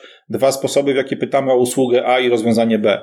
Czasami jest tak, że klient się pojawia po paru miesiącach, mówi, słuchajcie, z badaniami już sobie poradzimy, bo ludzie już ogarniają ten temat, ale pomóżcie nam, usiądźmy, nie wiem, na warsztacie godzinnym czy dwugodzinnym, pomóżcie nam napisać pytania, które ten trzeci nowy produkt zbadają, albo który pozwoli nam sprawdzić jeszcze jakiś jeden kawałek, bo nie boimy się dzwonić, nie boimy się prosić, nie mamy opanowany temat tego, żeby taka rozmowa się odbyła, ale fajnie byłoby z ludźmi, którzy tych rozmów prowadzili wielokrotnie więcej, przegadać sam sposób, w jaki pytamy, gdzie trzeba właśnie pójść głębiej, o co dopytać, czy to będzie cena, czy to będzie sposób opakowania, czy warunki dostawy, czy jeszcze milion innych elementów, i to też jest taka wiedza, której no, ja nie nazywam szkoleniem, bo to wszystko to jest tylko i wyłącznie praca na konkretnej potrzebie, w konkretnym przypadku e, i ta współpraca może trwać długo. Natomiast to, co powiedział Tomek, nie zależy na tym, żebyśmy ludziom zakładali złote kajdanki, zależy na tym, żeby ludzie dostawali umiejętność, a nie tylko informacje. Żeby oni sami potrafili pójść w głąb, bo naprawdę nie ma specjalnego sensu robienia kampanii badawczej, to, o czym my mówimy, to ma być świadomość tego, jak dzisiaj wygląda rynek, jak dzisiaj wygląda klient, jak dzisiaj wyglądają te procesy. To po prostu trzeba robić cały czas. Nie? Mhm. A używacie tutaj takiego stwierdzenia i raz badanie, i raz analiza. Powiedzcie mi, jaka jest różnica między, y, no bo na początku też taki wstęp zrobiłam, od was to dostałam, proces badawczy i analiza win-loss. To czy analiza wchodzi w ten proces badawczy, czy to są dwa różne jakieś takie dwie metody, które można y, wykorzystywać? Jak to wygląda? Myślę, że to jest bardzo dobre pytanie, bo to usystematyzuje nam cały ten proces. My mówimy o procesie badania i analizy, to znaczy najpierw się robi badanie, a potem dokonuje analizy. I teraz my od samego początku rozmawialiśmy o dwóch rodzajach badań i warto też je tutaj rzeczywiście rozróżnić. Mówiliśmy o badaniu procesu zakupowego, którego celem jest odtworzenie całej ścieżki zakupowej klienta od początku, od momentu, kiedy wpadł na pomysł, do momentu, kiedy kupił. A druga rzecz to są te badania win-loss, czyli z angielskiego przekładając na polski wygrane, przegrane. I w tych badaniach skupiamy się na konkretnym postępowaniu zakupowym i próbujemy zrozumieć, dlaczego w tym konkretnym postępowaniu zakupowym klient podjął taką decyzję, a nie inną. I teraz badania przeprowadzamy korzystając z dwóch metod. E, z jednej strony są to rozmowy z klientami, najczęściej robimy je poprzez telefon lub Skype'a, Zooma. Osobiście można się też spotykać, ale nie jest to po prostu potrzebne. I takie rozmowy mają zaletę nas taką, że możemy w trakcie jednej rozmowy zdobyć bardzo dużą głębokość informacji i, I, ponieważ jest to rozmowa taka, która jest takim wywiadem e, pogłębionym, czy takim typowym IDI-em, no to w zależności od tego, co nam klient powie, możemy troszeczkę bardziej w prawo pójść z rozmową, troszeczkę bardziej w lewo. Super szczegółowe informacje uzyskujemy i to jest bardzo wartościowe źródło, ale jeżeli mamy bardzo dużo klientów, to rekomendujemy, znaczy nasz klient ma bardzo dużo klientów, to rekomendujemy, żeby oprócz rozmów takich telefonicznych czy wywiadów, korzystać z ankiet online. No bo jeżeli jesteśmy firmą, która w ciągu roku na przykład sprzedawała do tysiąca firm, no to bardzo trudno będzie im z tysiącem firm porozmawiać przez telefon, bo na to nie będzie czasu, więc my rekomendujemy, żeby do tych największych firm, czy do tych najciekawszych procesów sprzedaży tam dzwonić i rozmawiać, a do wszystkich pozostałych wysyłać taką ankietę online.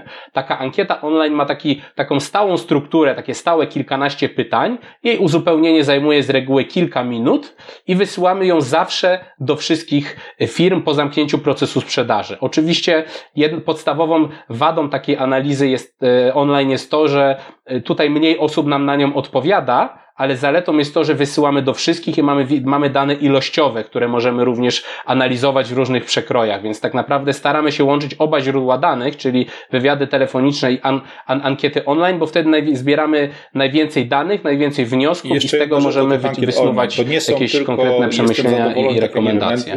Net Promoter Score czy inne rzeczy, od 1 do 7 i tak dalej. Tam są miejsca, w których klient może wpisać to, co mu się podobało, miejsca, w których może wpisać to, co go wkurzyło, to, co warto poprawić. I tak naprawdę informacja, która z ankiety wynika, to też jest ogromna dawka wiedzy i to nie tylko informacja to o tych właśnie triggerach, o tych rzeczach, które są ewidentnie im plus, ewidentnie im minus, możemy zrobić sobie ich listę, ale to jest fantastyczny, absolutnie fantastyczne źródło konkretnych tekstów i nazw, pewnych zlepków słów, które nasz marketing może wykorzystać. Bo no jeżeli my po raz siódmy czytamy w takiej ankiecie, że klientowi podoba się sposób dostawy czy sposób zapakowania produktu, to wpiszmy to do oferty, to wpiszmy to gdzieś tam na ważne miejsce, bo to znaczy, jeżeli to się pojawiło na, w siedmiu, na powiedzmy 30 czy na 40 takich pytań, to znaczy, że ten element, którego prawdopodobnie nie doceniliśmy, bo my zawsze tak pakowaliśmy nasze produkty, że ten element na, na tle całego rynku wybija nas, że staje się naszym USP, tak, że staje się czymś, co wyróżnia nas pośród konkurencji. To są bardzo, bardzo wartościowe rzeczy i paradoksalnie przy rozmowie telefonicznej zapisanie takiego hasła, jeżeli no, ktoś nie notuje bardzo dobrze, jest cholernie trudne. Nie? Także jedna i druga rozwiązanie, jedno i drugie rozwiązanie ma swoją wartość, natomiast to, co Tomek powiedział, no, zwykle na ankietę odpowiada znacznie mniej osób, więc w pewnych sytuacjach, tylko w pewnych sytuacjach warto je robić, e, ale jeżeli nawet, no to też wykorzystywać te informacje, które spływają. Mhm. A jak robi się takie ankiety, bo mm, też to doświadczenie z B2C i z, ze sklepów internetowych, no to zwykle trzeba coś dać, żeby przekonać, nie? Jakieś tam 5% rabatu. Czy w B2B też to jest potrzebne, czy, czy raczej klienci no tutaj nie, nie, nie, nie myślą o rabacie, tylko po prostu o tym, żeby drugiej stronie pomóc? Tutaj co innego ma znaczenie. To jest bardzo ciekawe pytanie i ja raczej nie rekomenduję stosowania e, tutaj nagród, e, bo to moim zdaniem nie pomoże w tym procesie. Tu co innego jest ważne. Znaczy takim to co mogę powiedzieć z doświadczenia, to takim czynnikiem, który decyduje o tym, czy uzyskamy dużo odpowiedzi na te ankiety, jest to, czy nasz handlowiec w procesie sprzedaży poinformuje klienta, że w ogóle takie badanie robimy. Bo to, to co warto robić, to handlowcy, rozmawiając z klientem, czasami nawet na wczesnym etapie procesu sprzedaży, powinni komunikować takie coś. Szanowny kliencie, niezależnie od tego, czy na koniec naszej wspólnej drogi zdecydujecie się współpracować z nami lub też nie, bardzo będziemy wdzięczni za danie nam informacji zwrotnej, jak się Wam z nami pracowało i dlaczego zdecydowaliście się na wybór nas lub też konkurencji. Znacząca, wielkość, znacząca większość firm, gdy usłyszy takie coś, jest w ogóle pod wrażeniem, że ktoś to robi i że ktoś w ogóle w taki systematyczny sposób myśli. Bardzo rzadko się zdarza, żeby usłyszeć odpowiedź nie. I drugą rzecz, którą warto zrobić, to jak będziemy na końcu procesu sprzedaży, to żeby handlowiec przypomniał klientowi, drogi kliencie, w ciągu najbliższego tygodnia, dwóch, trzech, dostaniesz od nas prawda, taką ankietę, w której poprosimy Cię o zdanie na temat tego, jak się pracowało z nami. I teraz, jeżeli klient wie, że taka ankieta przyjdzie, wie, że ona jest komuś do czegoś potrzebna, to dużo bardziej chętnie odpowiada na nie. I teraz, żeby też pokazać konkretne statystyki, moje doświadczenia pokazują, że jak się robi takie typowe badania satysfakcji klienta w świecie B2B, no to na dzień dzisiejszy to w bardzo wielu firmach kilka procent odpowiada na takie badania satysfakcji klienta. Z czego to wynika? No ludzie są zasypywani komunikacją. Ja tak jak ja widziałem statystyki sprzed 10-15 lat, to czasami 20% potrafi odpowiadać na takie badania satysfakcji klienta. Dziś w wielu firmach to jest 5%. Natomiast w takich badaniach win-loss, to, to takie, takie, takie średnie wskaźniki, które mi się udawało uzyskać, to jest 20%, a jeżeli mamy zaangażowany zespół handlowy, który, któremu zależy na tym, żeby te odpowiedzi mieć, informuje o tym klienta, przypomina, no to potrafi być i nawet 30% i więcej, więc to są zaskakujące wskaźniki. Oczywiście trudność jest taka, że dużo łatwiej klienci i chętniej odpowiadają w przypadku procesów wygranych niż przegranych, ale to tym bardziej tam się trzeba postarać o tą komunikację zadbać. I to ona decyduje o sukcesie, a nie to, czy my temu klientowi jakiś prezent damy. Bo w świecie B2B ten prezent nie jest tutaj aż tak istotny. Dokładnie, a druga sprawa, Agata, ty jakby bierzesz swoje oczekiwania e, z klasycznego e-commerce'u, e, gdzie nie ma relacji. Tutaj cały czas mówimy o sytuacji, w której nasz handlowiec z tamtym klientem pracował, rozmawiał. To jest dalej relacja człowiek-człowiek, a nie system-człowiek. To jest kompletnie inna baza, kompletnie inne wyjście. I teraz rzecz bardzo istotna. To nie znaczy, że badania win-loss mają sens tylko i wyłącznie w B2B. Są tematy, które kupuje się do domu, jako Jan Kowalski czy Ania Nowakowa, piec do centralnego ogrzewania, baterie fotowoltaiczne, czy tam jakieś panele fotowoltaiczne, jakieś rozwiązania, które dla klienta, osoby, jakby osoby fizycznej, tego klienta typu B2C, są bardzo ważne albo stanowią duży wydatek. I przy takich transakcjach też możemy spokojnie używać badania win-loss, czy generalnie badać ten sposób zakupowy, zadawać pytania, co zdecydowało o wyborze, e, bo tam też dostaniemy fantastyczne rzeczy. No słuchajcie, no paneli fotowoltaicznych za 25 patoli na dach nie kupuje się od tak jak bułki albo gumy do rzucia na stacji benzynowej, i warto się dowiedzieć, czy wygraliśmy Excelem, czy wygraliśmy PowerPointem. Czy ważniejsze było to, że sąsiad taki ma, czy zachowanie ekipy naszej montującej obok, dwa domy dalej, no bo u sąsiada to zrobili taki bałagan, że nie wiem, ogródek trzeba było zbudować od nowa, bo rozjeździli busem cały trawnik, a ci nasi przyszli, posprzątali, pocałowali w rękę i pojechali głosząc dobrą nowinę. Czasami dostajemy tak fantastycznie zaskakujące odpowiedzi, nawet od tych relacji B2C. Tyle tylko, że no to musi być coś, co nasz klient, ten, który kupił od nas, faktycznie zapamięta, co on będzie w stanie dać nam informację, czy patrzyli z żoną na Excela, czy raczej przeglądali kolorowe prospekty, co ma większą wartość. Także tu naprawdę, naprawdę wiele ciekawostek. Ja bym tutaj dodał jeszcze jedną ważną rzecz, że badanie procesu zakupowego to w zasadzie jest sens robić w każdej sytuacji, w każdej branży B2C, B2B, nawet e-commerce. Prawda? Chętnie powinniśmy wiedzieć, jak ten proces wygląda. Natomiast takie badanie win-loss wygrane, przegrane jest sens robić wtedy, kiedy w procesie sprzedaży uczestniczył handlowiec, czy uczestniczył człowiek. I teraz wszystko jedno, czy to był handlowiec przez telefon, czy on przyjechał do nas, to nie ma znaczenia, ale była relacja człowiek do człowieka bo to, bo to jest takim, takim kluczem łączącym i ta osoba kupująca musi kojarzyć człowieka, który mu sprzedawał i wtedy jest sens takie badanie win-loss, e, win-loss robić, bo duża część jakby tych elementów związanych z wygraniem lub przegraniem danej transakcji sprowadza się do zwykłych relacji międzyludzkich, czyli relacji zespołu kupującego do, do zespołu sprzedającego i, tych, i tej chemii nawet między nimi, dlatego to jest takie ważne, żeby ten, ta relacja między ludźmi była, więc ja bym to powiedział tak, że jeżeli firma sprzedaje przez handlowca, i sprzedaje produkty, usługi jakiejś sensownej wartości, to znaczy nie kilkadziesiąt złotych, ale kilka tysięcy, kilkanaście i tak dalej, to takie badanie win-loss już jest sens robić. I tutaj mi się kolejne pytanie już pojawia, bo też y, jednocześnie troszeczkę to ma związek z tymi y, ankietami, tak, czyli wysyłanymi, a druga rzecz z tym, że klienci są nie doszli nawet klienci, są mile zaskoczeni, że e, w ogóle ktoś się interesuje dlaczego, tak? Że chce wyciągnąć wnioski, chce się nauczyć, chce to ulepszać swoją sprzedaż czy, czy też produkt.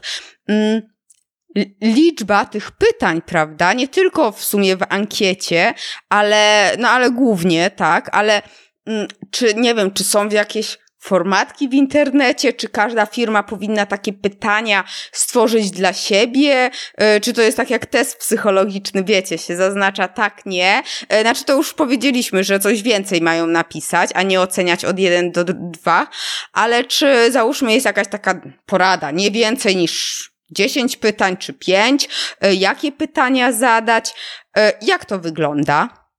Jasne. To znaczy, jeżeli mówimy o ankiety online, od tego zacznę, to tutaj kluczowym elementem jest na pewno czas na jej wypełnienie. Wiadomo, że w każdym badaniu online jest tak, że im krótsze badanie, tym większa szansa, że uczestnik je wypełni, bo nie zniechęci się w trakcie. Jeżeli go zabijemy badaniem, które ma 70 pytań, to przy 15-20 odpadnie. Więc jakby dobre, dobre badanie online, jeżeli chce mieć sensowny wskaźnik odpowiedzi, to powinno być maksymalnie kilkanaście pytań. Przy czym większość z tych pytań w takim badaniu online to są pytania zamknięte. Jednak proszę ocenić w skali od do, tak, nie. Parę tam jest pytań do uzupełnienia, bo wtedy dopiero uczestnik może zrobić to szybko. Więc to jest badanie proste i szybkie, do kilkunastu pytań. Tak naprawdę powinniśmy sobie postawić cel, że maksymalnie 5 minut wypełnienie.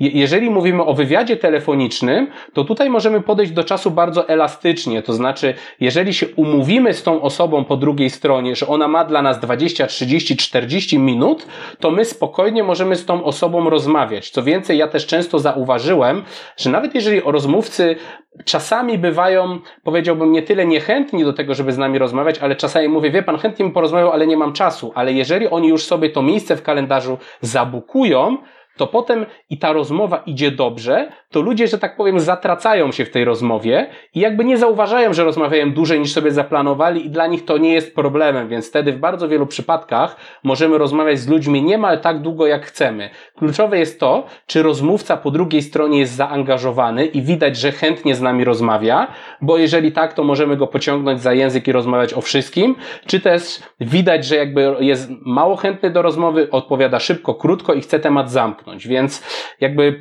podsumowując w ankiecie online musimy zrobić to krótko, a w wywiadach telefonicznych to tak naprawdę tylko czas nasz ogranicza, ale też dobrze mieć kwestionariusz. To znaczy nie powinniśmy iść na taką rozmowę z białą kartką.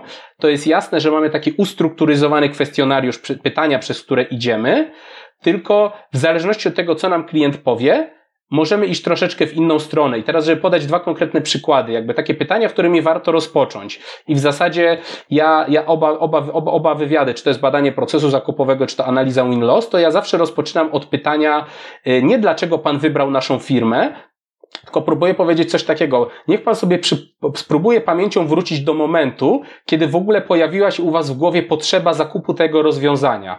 Czy pamięta pan, kiedy to było? Tak, no to niech pan opowie, co było tym powodem, dla którego w ogóle zaczęliście myśleć o tym rozwiązaniu. A on powie, a no bo wie pan, mieliśmy jakąś starą maszynę, ona się zaczęła psuć i wtedy postwierdziliśmy, że musimy kupić nową, prawda?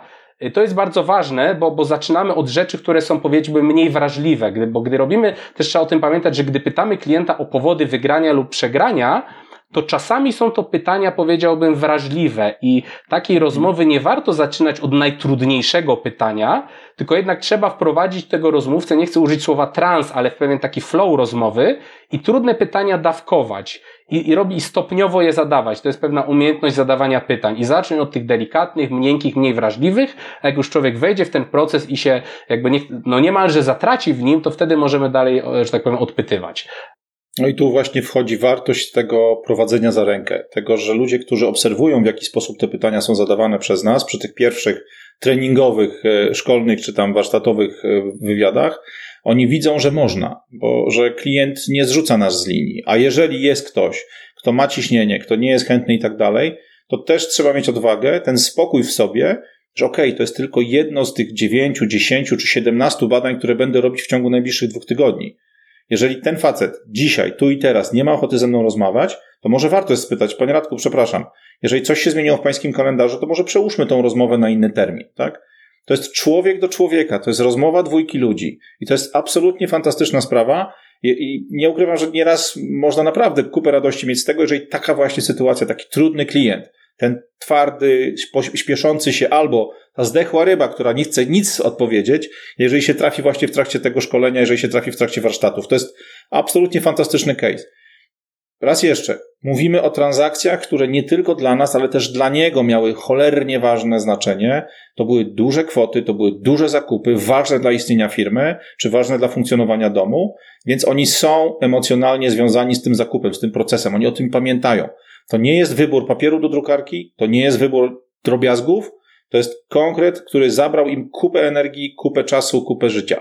Naprawdę jak zacznie się takie badania prowadzić, możemy być mocno, mocno zdziwieni, jak cholernie otwarci są ci ludzie po drugiej stronie. Ale to co? Y, mm, jeżeli no, jestem firmą B2B, sprzedającą też do B2B, jak y, niedrogie produkty, to już y, nie robić tego? Znaczy, na pewno robić rozpoznanie procesu zakupowego klienta, no bo jeżeli sprzedajesz niedrogie produkty, to sprzedajesz ich bardzo dużo. I teraz poprawienie Twojej oferty czy sposobu prowadzenia transakcji o jakiś element w oparciu o to, że zrozumiałaś proces zakupowy klienta, natychmiast przełożyć się na ilości, na ilości transakcji na fajny wynik. Natomiast no, nie spodziewam się, żeby osoba, która e, zaangażowana była w proces e, zakupowy elementu o drobnej wartości, z całym szacunkiem przywiązywała do niego wagę. Jeżeli to nie jest 30 tysięcy komponentów do mojej produkcji i ten proces, ten element o drobnej wartości jest cholernie ważny, bo musimy ich kupić 3 miliony miesięcznie. E, jeżeli to jest po prostu zakup jakiś tam z przypadku, tak jak choćby w przypadku e-commerce'u, jakichś, nie wiem, tonerów do drukarek, innych rzeczy, to po prostu nie będzie z kim gadać, moim zdaniem. Znaczy, ja bym powiedział tak, tu, tu rzeczywiście, jeżeli kupujemy coś taniego, to prawdopodobnie rozmowa 40 minut na temat taniego zakupu, no, no nie będzie miała sensu, bo to nie jest aż tak skomplikowane, prawda? ale być może, jeżeli prawdopodobnie jest tak, że jeżeli sprzedajemy coś taniego, to najprawdopodobniej sprzedajemy też tego dużo, no bo jak sprzedajemy tanie i mało, to trudno będzie nam wyżyć z tego. Więc jeżeli sprzedajemy rzeczy tanich i dużo, to wtedy wysyłanie ankiet może mieć sens, bo nawet jeżeli 15% miałoby nam na tę ankietę odpowiedzieć, a tych transakcji mamy tysiące albo dziesiątki tysięcy, no to już z tej ilości dowiemy się dosyć dużo, więc to jest alternatywna droga. Trochę w zależności od tego, co sprzedajemy i jak sprzedajemy, no to do tego dopasowujemy e, te narzędzia, bo bym powiedział z drugiej strony, jeżeli jesteśmy firmą, która sprzedaje e, na przykład, nie wiem, 20 lokomotyw rocznie lub 20 samolotów rocznie do 40 klientów, to ja bym w ogóle nie próbował tutaj robić ankiety, tylko z każdym klientem chciałbym porozmawiać, co więcej, więcej niż z jednym decydentem w każdej firmie, bo tu każda jedna rozmowa waży. Więc powiedziałbym, w zależności od procesu i tego, co sprzedajemy. Wywołałeś mnie do tablicy, bo to jest Celowo. moja działka. Ja sprzedawałem przez lata i, i wynajmowałem lokomotywy e, i uwierzcie mi, no ja po miesiącu byłem e, na ty ze wszystkimi ludźmi we wszystkich firmach moich klientów, bo w tamtym czasie zakupem lokomotywy w całej Polsce zainteresowane było maksymalnie 86 firm, bo tylu ich było. Więc po miesiącu znałem ich wszystkich, wszyscy znali mnie. I zabawa teraz polegała na tym, żeby być w kontakcie, żeby budować relacje, żeby się dowiadywać na temat tego, co się zmieniło. Że nowy dyrektor finansowy w firmie X mógł całkowicie zmienić sposób wyboru oferenta. Że zmiana na stanowisku członka zarządu mogła sprawić, że tak, tam, gdzie nie mogłem wynajmować, bo chcieli kupować, dzisiaj nagle wynajem staje się, jakby staje się atrakcyjny. E, to nie jest tak, że jest jeden sposób, że jest jeden typ biznesu, Naprawdę, od tej lokomotywy nieszczęsnej czy samolotu, po panel fotowoltaiczny, po zakup jakiegoś rozwiązania, które właśnie 3 miliony sztuk drobnej nakrętki jako podstawowy element naszej produkcji, którą sprzedajemy dalej, to wszystko musimy zadać sobie jedno podstawowe pytanie. Nie ile jest warte to, co kupujesz, tylko jak ważne jest w życiu Twojego klienta jako element większej całości. Dobra, to mamy tak, badanie procesu y, zakupowego, tej ścieżki, można powiedzieć, to klienta, to też jest często używane y, w e-commerce, ścieżka zakupowa klienta. E, ta e, analiza e, win-loss, no tutaj, tu i tu jest tak naprawdę ta, ten etap analizy wyciągania wniosków i czy to warto przekazywać osobie, która no faktycznie jest może nie analitykiem stricte, ale ma takie, no bo to chyba nie każdy potrafi tak y, przeanalizować, wyciągnąć wnioski, jakieś tam smaczki wy, wyszukać. Y, czy to też, y, jak to wygląda właśnie y, z Waszej perspektywy? Czy to jedna osoba powinna robić, bo jest w tym temacie zagłębiona, czy, czy lepiej to właśnie delegować? Tutaj poruszyłaś ważny temat samej analizy. Oczywiście wnioski z analizy będziemy mieli dwo, dwojakie, to znaczy z jednej strony są to analizy liczb, a z drugiej strony są to analizy tekstu, z którego można wyciągnąć wnioski. I teraz oczywiście powinniśmy dawać do tego osobę, która ma umiejętność analitycznego myślenia, ale uwaga, nie potrzeba do tego osoby z doktoratem z matematyki, prawda? To naprawdę analityczne myślenie na takim poziomie normalnym, bym powiedział, tak? Tylko trzeba umieć wyciągać wnioski z faktów, czyli wnioski z liczb i wnioski z tekstu. I teraz to ważne jest to, nawet nie tylko to, to, to czy, co, co ta jedna osoba zrobi z tym, z tą analizą i z wnioskami, tylko jaki sposób my, jako firma, wyciągamy wnioski z tego. I teraz, jak patrząc na przykład na analizę win-loss, no to powinniśmy co najmniej dwojakie wnioski, na, na dwa sposoby te wnioski wykorzystywać. Z jednej strony, jeżeli mamy wnioski z jakiejś serii badań, przeprowadziliśmy, nie wiem, kilkanaście, kilkadziesiąt rozmów albo ileś tam ankiet i wychodzą z tego jakieś konkretne wnioski, no to my jako firma nie rzadziej niż raz na kwartał, a czasami może raz na miesiąc, powinniśmy sobie siadać i w takim gronie osób decyzyjnych od sprzedaży, marketingu, czasami produkcji, rozwoju produktu, wszystko zależy od tego, jaką firmą jesteśmy, finansów, ale siadać w takim gronie i, i, i gremialnie wyciągać wnioski z tych badań. Co nam wychodzi? Jakie mamy wnioski? I w, nie, w wielu przypadkach warto nawet zejść do poziomu konkretnego procesu sprzedaży, jeżeli on był duży. Czyli sobie powiedzieć, ok, przechodząc przez cały ten proces sprzedaży, wygraliśmy go dlatego, przegraliśmy go dlatego i teraz, jeżeli chcemy takie procesy sprzedaży w przyszłości wygrywać, to musimy zmienić to, to, to i to. Żeby, żeby ta, ta analiza win-loss miała wartość dla firmy, musimy mieć taki proces, w którym właśnie przekuwamy wnioski w czyny. I to jest właśnie taki proces e, edukacyjny, który każda firma musi sobie wdrożyć. To jest bardzo prosta rzecz w praktyce, to znaczy musimy się umówić na to, że regularnie, nie rzadziej niż raz na kwartał, prawdopodobnie nie częściej niż raz na miesiąc siadamy, omawiamy wnioski, a wnioski przekuwamy jakieś działania. I teraz to jest dosyć proste. A drugi sposób, w jaki my jako firma możemy wyciągnąć wnioski, no to jest też w tej przypadku analizy win-loss, to jest do coachingu i rozwoju naszego zespołu handlowego.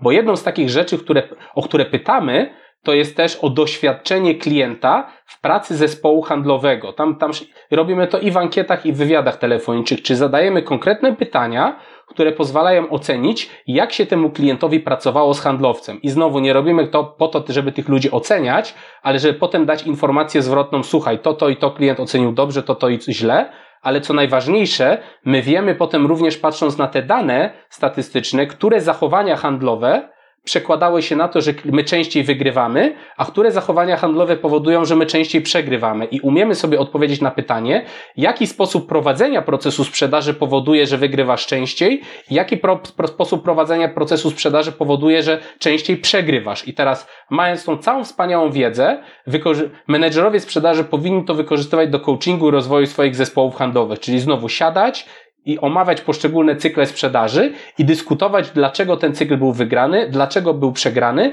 i dyskutować o wspólnych wnioskach, bo wtedy ludzie się uczą.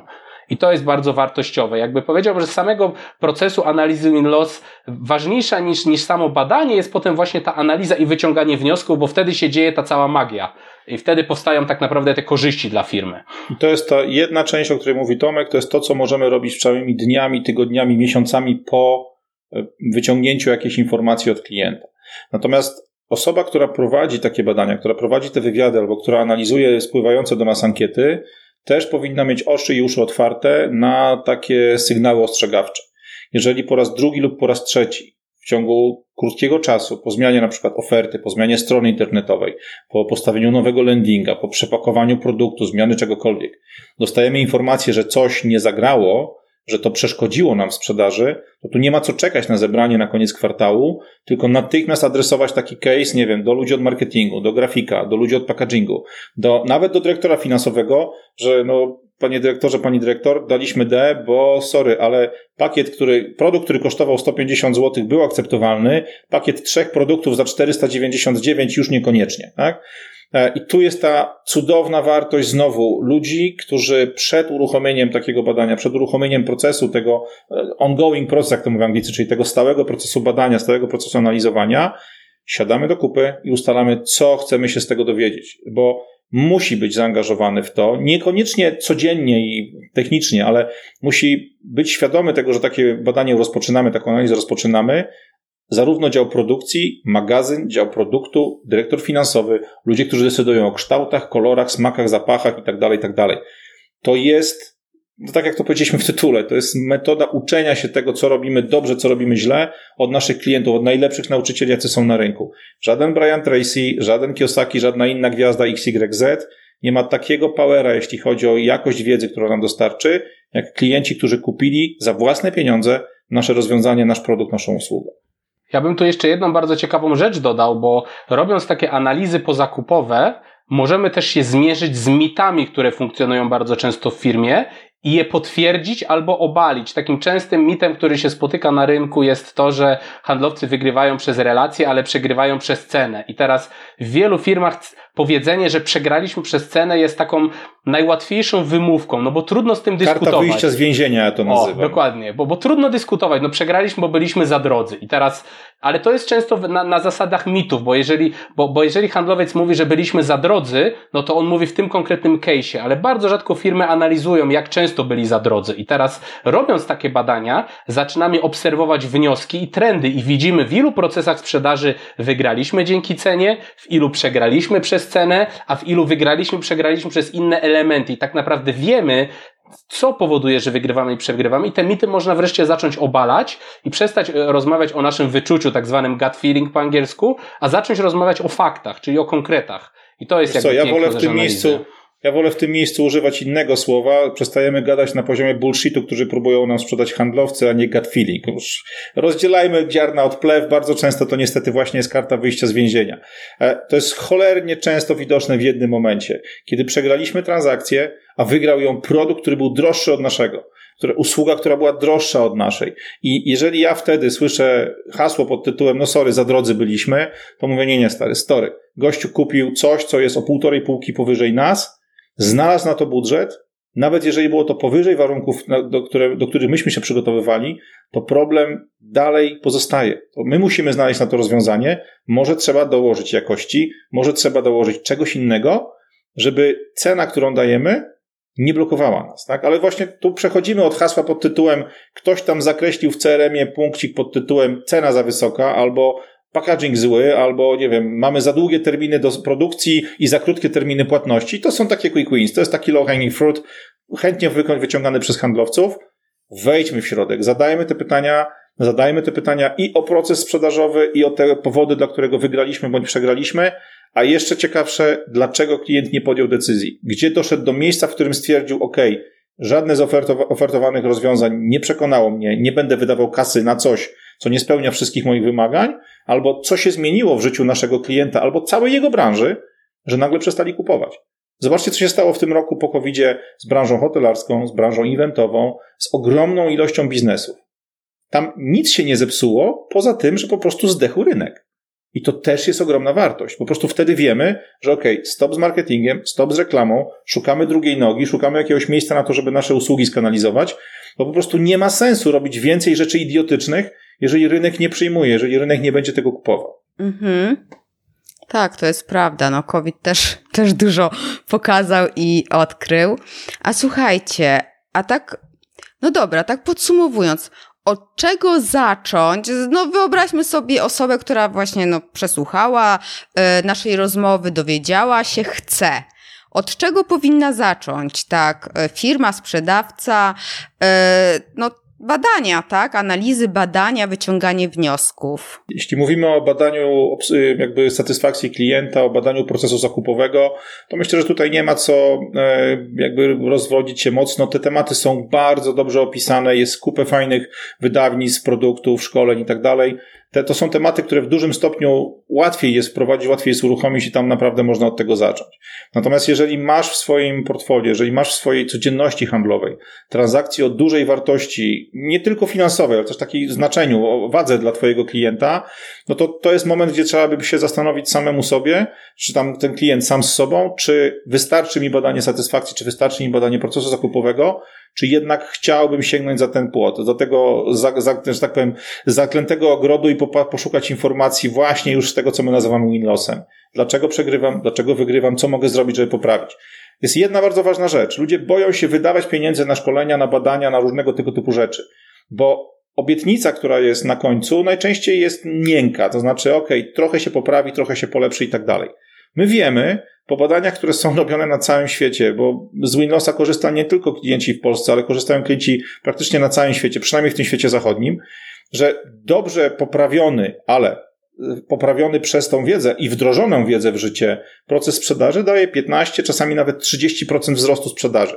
Jak masz firmę, która robi 3 miliony obrotu, 15%, nawet idźmy tą niską półką, 15% więcej wygranych szans sprzedaży wielokrotnie jakby zwala z nóg koszty, które się z tym wiążą. Nie tylko koszty tego, żeby, nie wiem, kupić taką wiedzę, zastosować ją, ale również koszty te związane z osobą, która będzie te badania musiała wykonywać, analizować badania i tak dalej, i tak dalej. Pokaż mi inną metodę, dzięki której uda ci się rok do roku o 15% podnieść sprzedaż. To jest naprawdę wynik kolosalny. A ja bym teraz odniósł się do tej drugiej części, to znaczy jak, jak zacząć. Jeżeli byśmy mieli dać komuś taką radę, chcę zacząć robić coś jutro. E, no to, to oczywiście e, tutaj ja bym dał przynajmniej takie dwie rady. E, przede wszystkim w analizie win-loss, no bo od tego może zacznę, nie trzeba od razu rzucać się na głęboką wodę i powiedzieć zrobię 200 rozmów telefonicznych, bo to jak sobie pomyślę, zajmie mi to 3 miesiące, to się do tego nigdy nie zabiorę. Wyznaczmy sobie cel, chcę porozmawiać z jednym, z dwoma klientami tygodniowo. Nie zajmie mi to ogromnej ilości czasu, mogę sobie na to pozwolić, prawda, jako firma.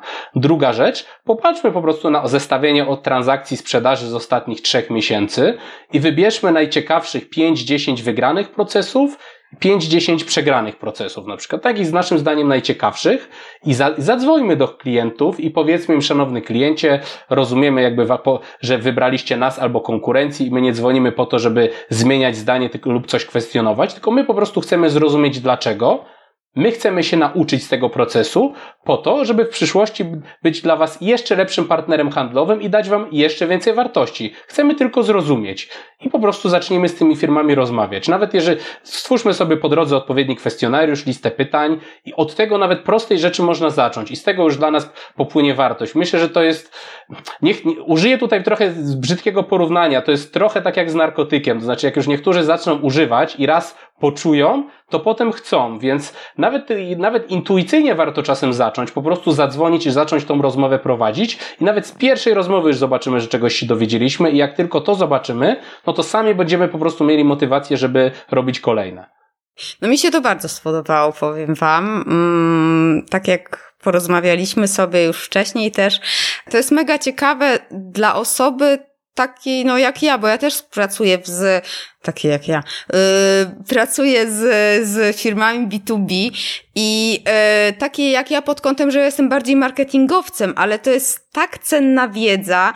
Ja zresztą yy, jestem mega zwolennikiem tego, że yy, sprzedawca i marketingowiec powinni przy jednym biurku tak naprawdę siedzieć, bo teraz tak jest. Yy, to jest tak naprawdę no to jest, nie da się tego rozdzielić moim zdaniem. To już mhm. jest e, i ten Chociaż... i ten może się wspierać. No co? Da się rozdzielić, tylko nie działa. Są niestety nadal firmy, słuchajcie, w których marketingowiec jest od zamawiania wizytówek i kalendarzy dla klientów. Tak, Natomiast tak, nie mówimy no. o ekstremistach, o ludziach, którzy są gdzieś w epoce y, zszywacza łupanego. Mówimy o firmach, które naprawdę są na bieżąco e, i, i dla mnie no to jest oczywiście jakby inaczej, w pełni oczywista Marketingowcy mają swoje wskaźniki, mają swoje elementy, które, na które zwracają uwagę, zasięgi, ilości kliknięć, to, tamto, siamto, ale na końcu, sorry guys, to się wszystko sprowadza do jednego. Konwersja na kliknięcie zakupowe, konwersja na zapłacony, na porzucony koszyk, na to, na tamto.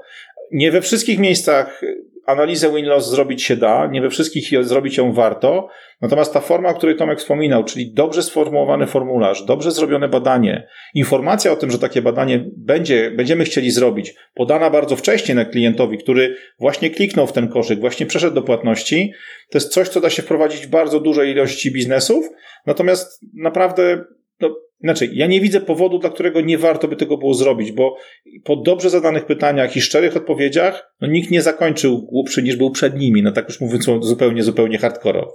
Znaczy, jest jedna sytuacja, kiedy nie warto robić analizy win-loss, to znaczy, jeżeli nie chcesz poznać prawdy, jeżeli nie chcesz znać prawdy, nie chcesz wiedzieć jak było i człowiek woli mieć, żyć w takim poczuciu, że może lepiej nie wiedzieć, bo jeszcze się dowiem czegoś, czego bym się nie chciał dowiedzieć, to wtedy no nie tak, warto. Tak, tak, tak.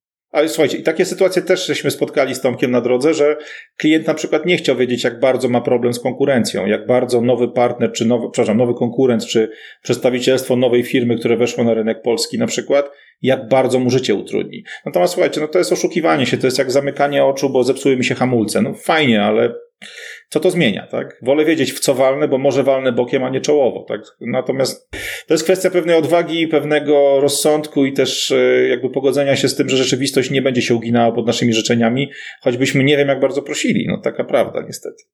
Nawet w urodziny. Dobrze, słuchajcie, ja Was bardzo, bardzo Wam dziękuję za rozmowę. E, oczywiście w notatkach e, zostawię kontakt do Was e, i, i jak będą e, chętni, to na pewno Was znajdą, złapią, a jak nie złapią, to ja im pomogę, e, żeby właśnie się skontaktować, ewentualnie dopytać, bo naprawdę to jest ważny temat i i ja uważam też, że w B2C może nie w ten sposób, ale tu i tu jest człowiek, i, i trzeba po prostu pytać, wyciągać wnioski. Czasem prawda boli, no ale cóż. Ale na, na tym się uczymy. Ja ci powiem, Agata, tylko jeszcze jedno tylko zdanie. E, ja bardzo przez całe lata siedziałem w motoryzacji i e, widzę jedną rzecz. E, rozmawialiśmy na temat i win-lossa, i głębszego badania tego, co dzieje się po stronie zakupowej u klienta z branżą samochodową w zeszłym roku i tak dalej. Dzisiaj o 70, czasami 80% spadła im ilość zapytań. Nie da się dzisiaj prowadzić salonu samochodowego czy sprzedaży w salonie samochodowym z założeniem, które jeszcze chwilę temu było normą. Jak naprawdę jest zainteresowany, to przyjdzie jeszcze raz, to zadzwoni, to będzie chciał się umówić na jazdę. Dzisiaj ludzie, którzy w zeszłym roku stwierdzali, no fajne, ale i tak nie mamy czasu, żeby obrobić wszystkich, którzy przychodzą, dzisiaj wracają i mówią, słuchajcie, a może jednak warto by było coś zrobić, bo byśmy się chętnie dowiedzieli, że ci ludzie, którzy się pojawiają na horyzoncie, że faktycznie do nas wracają. Myślę, że to jest taki moment, który nam wszystkim dał do myślenia, że mimo tego, że teraz znowu, tak jak zaczynaliśmy, rynek wrócił do normy, jakby wraca, rozpędza się z powrotem, to ludzi, którzy mają do wydania kasę, jest mniej niż było wcześniej, a ci, którzy ją wydają dzisiaj, obracają ją dużo częściej, dużo dłużej. Dlatego ten moment, w którym dzisiaj się znajdujemy, to jest moment, w którym prawdziwa, realna wiedza, ta, ta prawda, która płynie z, od klientów, którą możemy sobie od nich zdobyć, jest jeszcze więcej warta niż była warta w styczniu, lutym czy w zeszłym roku. Tak, tak. Amen. Mogę, mogę tylko się podpisać pod tym i. W e-commerce pewnie jest tak samo u ciebie, nie? Znając życie. Tak, no e-commerce rozwinął się, nie ukrywam, tak, poszedł do przodu bardzo i, yy, i wszyscy do e-commerce'u teraz lecą, ale nie, to jest prawda, to po prostu mm, no to jest taki czas, w którym trzeba wyciągać wnioski, myśleć na przyszłość i, i patrzeć, yy, przewidywać też, nie? Myśleć, co może być, co może nas czekać, bo tak naprawdę nikt nie wie i E, i, i też wyciągać. Co będzie za zakrętem. Tak. Niestety, to jest coś, co ja powtarzam od lat i niektórzy się na mnie obrażają, bo mówią, że jestem po prostu mędą i mówię rzeczy, których nikt nie chce słuchać. Szanowne koleżanki, szanowni koledzy sprzedawcy, czas zacząć szanować każdego lida. Każdego, tak. który przyjdzie przez wasze drzwi. Sorry, guys. Dokładnie, dokładnie. Słuchajcie, to ja wam bardzo dziękuję. E, no i co? I życzę sukcesów. E, sukcesów w edukowaniu, pokazywaniu, warsztatowaniu klientów, mhm. żeby faktycznie to się działo, no bo każdy z nas też jest klientem oprócz tego, że jest sprzedawcą. Oczywiście. A fajnie być szanowanym lidem, bo i tak jesteśmy lidami, no cóż. Bardzo ładnie powiedziane. Dziękujemy tak bardzo. Profesor Miodek przeżegna się nogą za nasze amerykanizmy, ale poza tym chyba, da, chyba nam wybaczą. No cóż, no cóż, musi wybaczyć, bo też jest lidem. Dokładnie. tak jest. Dziękujemy bardzo. Trzymajcie się, dzięki wielkie. Dzięki. Trzymaj się, hej. No co, no, jesteśmy lidami, jesteśmy sprzedawcami, jesteśmy lidami. Yy, I tak od siebie jeszcze na koniec dodam, no to jest ważne, żeby wyciągać wnioski prawda boli. Ja zawsze się pytam też klientów, skąd się ode mnie, o, ode mnie, o mnie dowiedzieli. Też próbuję się dowiedzieć, dlaczego mnie nie wybrali. Zawsze proszę o informacje, mm, co spowodowało, że załóżmy, no, wybrali kogoś innego, zrezygnowali, po prostu nie skorzystali z mojej oferty, żeby się uczyć, nie? Wyciągać wnioski. I to zarówno jest w B2C, B2B, C2C, wszędzie. Eee, więc co? Słuchajcie mądrych ludzi, uczcie się, wyciągajcie wnioski i też patrzcie, co działa, co nie działa, co poprawić, co ulepszyć. E, no i zainteresujcie się właśnie tą analizą win-loss, mm, badaniem procesu zakupowego, czyli inaczej ścieżki zakupowej klienta. No i, no i co? Niech konwersja i moc będzie z wami. A, no.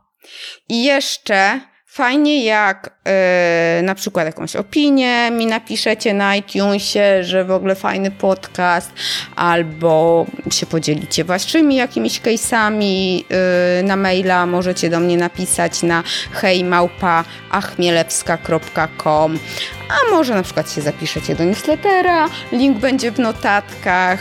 No i już teraz naprawdę, naprawdę, naprawdę niech konwersja i moc będzie z wami. Pa!